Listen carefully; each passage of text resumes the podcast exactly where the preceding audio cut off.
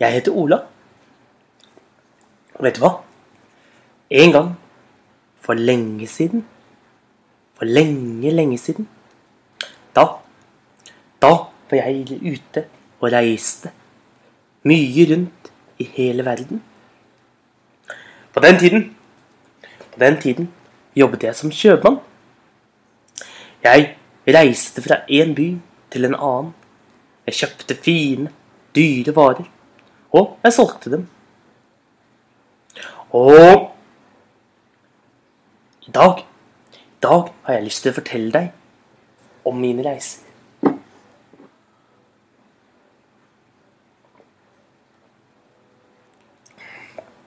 Jeg husker spesielt en gang hvor jeg var ute og reiste over havet. Jeg hadde reist både natt og dag. Det var blitt vår og sommer, høst og vinter. Et helt år hadde jeg vært ute og reist. Og med meg hadde jeg dyrebare, dyrebare stoffer. Ifra Persia, ifra India og ifra Nepal. Og jeg Jeg reiste og solgte og kjøpte krydder i Afrika. Store kokosnøtter. Og bananer i Thailand. Jeg reiste og ble stadig rikere og rikere. Men en dag, en dag, da sto jeg Da sto jeg på dekk og så utover. Og vanligvis så er jeg egentlig veldig god på å vite hvor jeg er. Jeg har alltid med meg et sjøkart, slik at jeg kan finne veien. Men Men med ett kom det et kraftig vindpust, og sjøkartet jeg hadde i hånden, forsvant ut av hånden og ble borte. Og jeg Jeg visste ikke lenger hvor jeg var. Og jeg hadde ingen måte å styre inn mot land, for uten sjøkart kan jeg ikke finne veien. Så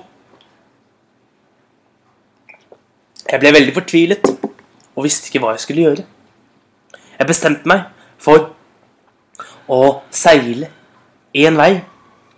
Og kanskje fikk jeg øye på en øy, eller tegn til at det var en øy i nærheten.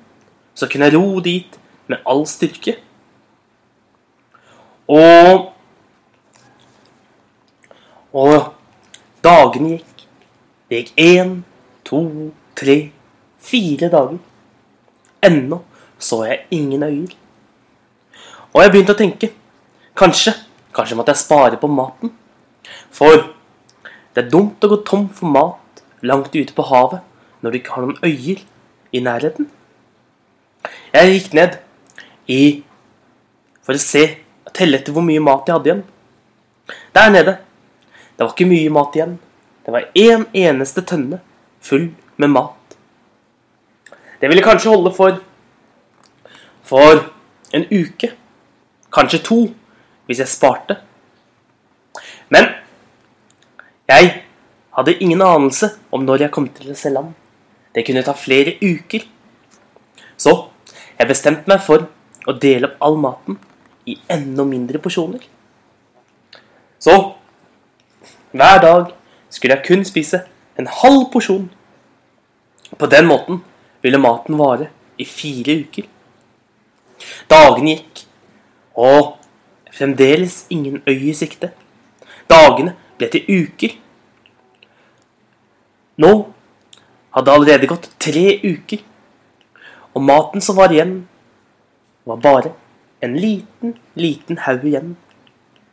Så vidt nok til et par dager. Men siden jeg rastet og fordelte maten utover, og spiste så sparsomt jeg kunne, ville det kanskje holde for én, toppen to uker til. Jeg ble, begynte å bli bekymret. Hvordan skulle jeg klare meg? Dette Jeg måtte finne en måte å finne land på. Og dagene fortsatte å gå.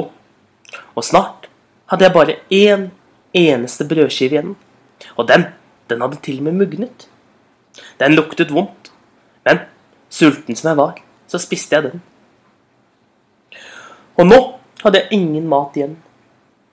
Jeg begynte å bli mer og mer sliten, Hver dag bare lå jeg på dekk og speidet utover for å se etter tegn til en øy i nærheten.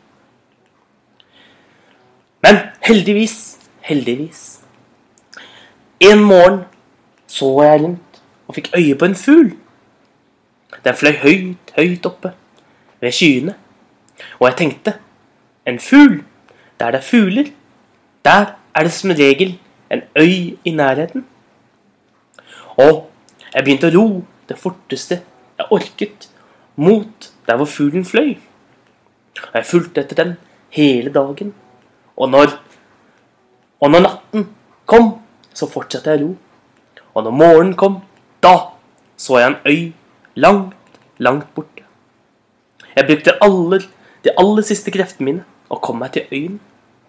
Der, der la jeg meg ned i sanden og sov lite grann før jeg gikk inn for å finne litt mat. Der inne Øyen var full av store palmer og mange ukjente planter.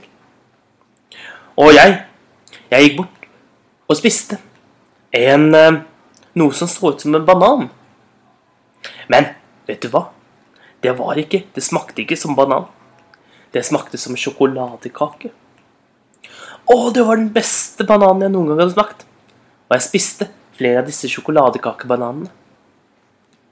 Og siden så fikk jeg krefter og begynte å gå innover øyen. Og jeg merket meg hvor sjokoladebanantreet var. For aldri før hadde jeg smakt frukt som var så god. Og jeg ville nødig gå tom for mat igjen. Så jeg gikk innover. Men jeg hadde ikke trengt å markere hvor treet var. For snart fant jeg et nytt tre med flere banansjokoladekaker. Og enda et, og enda et. Det viste seg at øyen var full av trær hvor det vokste bananer som smakte som sjokoladekake. Og jeg spiste og spiste og koste meg. Og hver dag så gikk jeg lenger og lenger innover øyen. Siden, siden spiste jeg bananer og la meg ned til å sove. Det så ikke ut som det var noen ville dyr på øyen. Så jeg kunne vandre trygt omkring og spise sjokoladekakebananer. Og vann, det var det også nok av. For mange steder så rant det elver. Elver av friskt vann. Men vannet hadde en rar, rar virkning. At etter at du hadde drukket det, så måtte du prompe så veldig. Men det gjorde meg ingenting, for jeg var tross alt helt alene på øyen. Det var ingen mennesker og ingen fugler. Ingen dyr. Det var bare meg og banansjokoladekakene. Nå, når jeg hadde vandret rundt i mange dager, så bestemte jeg meg for at øyen ikke hadde noen ende. I så fall så var den så stor at jeg ikke ville finne den. Derfor bestemte jeg meg for å klatre litt høyere for å kunne speide mer utover. Jeg klatret opp på det høyeste fjellet jeg fant, og så prøvde å se utover.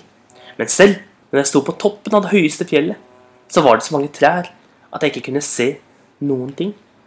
Da klatret jeg opp i toppen av et tre og satt der og speidet utover. Og det var slik jeg hadde trodd. Øyen var gigantisk. Overalt hvor jeg så, så jeg grønne planter og trær. Der Der var det mange, mange banan... banan eh, sjokoladekakebananer. Men det så ikke ut som det var noe annet enn sjokoladekakebanantrær. Og rare blomster som jeg ikke visste hva var. Så jeg tenkte ja, ja, så er jeg altså fanget på denne øyen. Men Heldigvis har jeg disse gode bananene som jeg kan spise.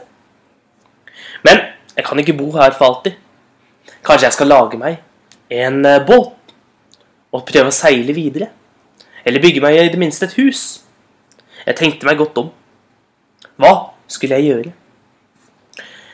Men jeg fant ut at jeg hadde lyst til å bo, bo litt her før jeg reiste videre. Jeg hadde tross alt nesten sultet i hjel ute på havet nå nettopp.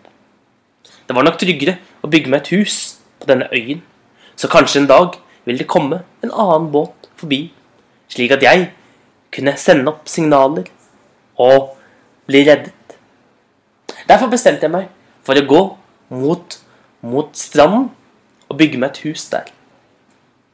Og hvordan det går videre, det skal du få høre i neste episode om mine reiser. Ha en god dag, så ses vi igjen en annen dag.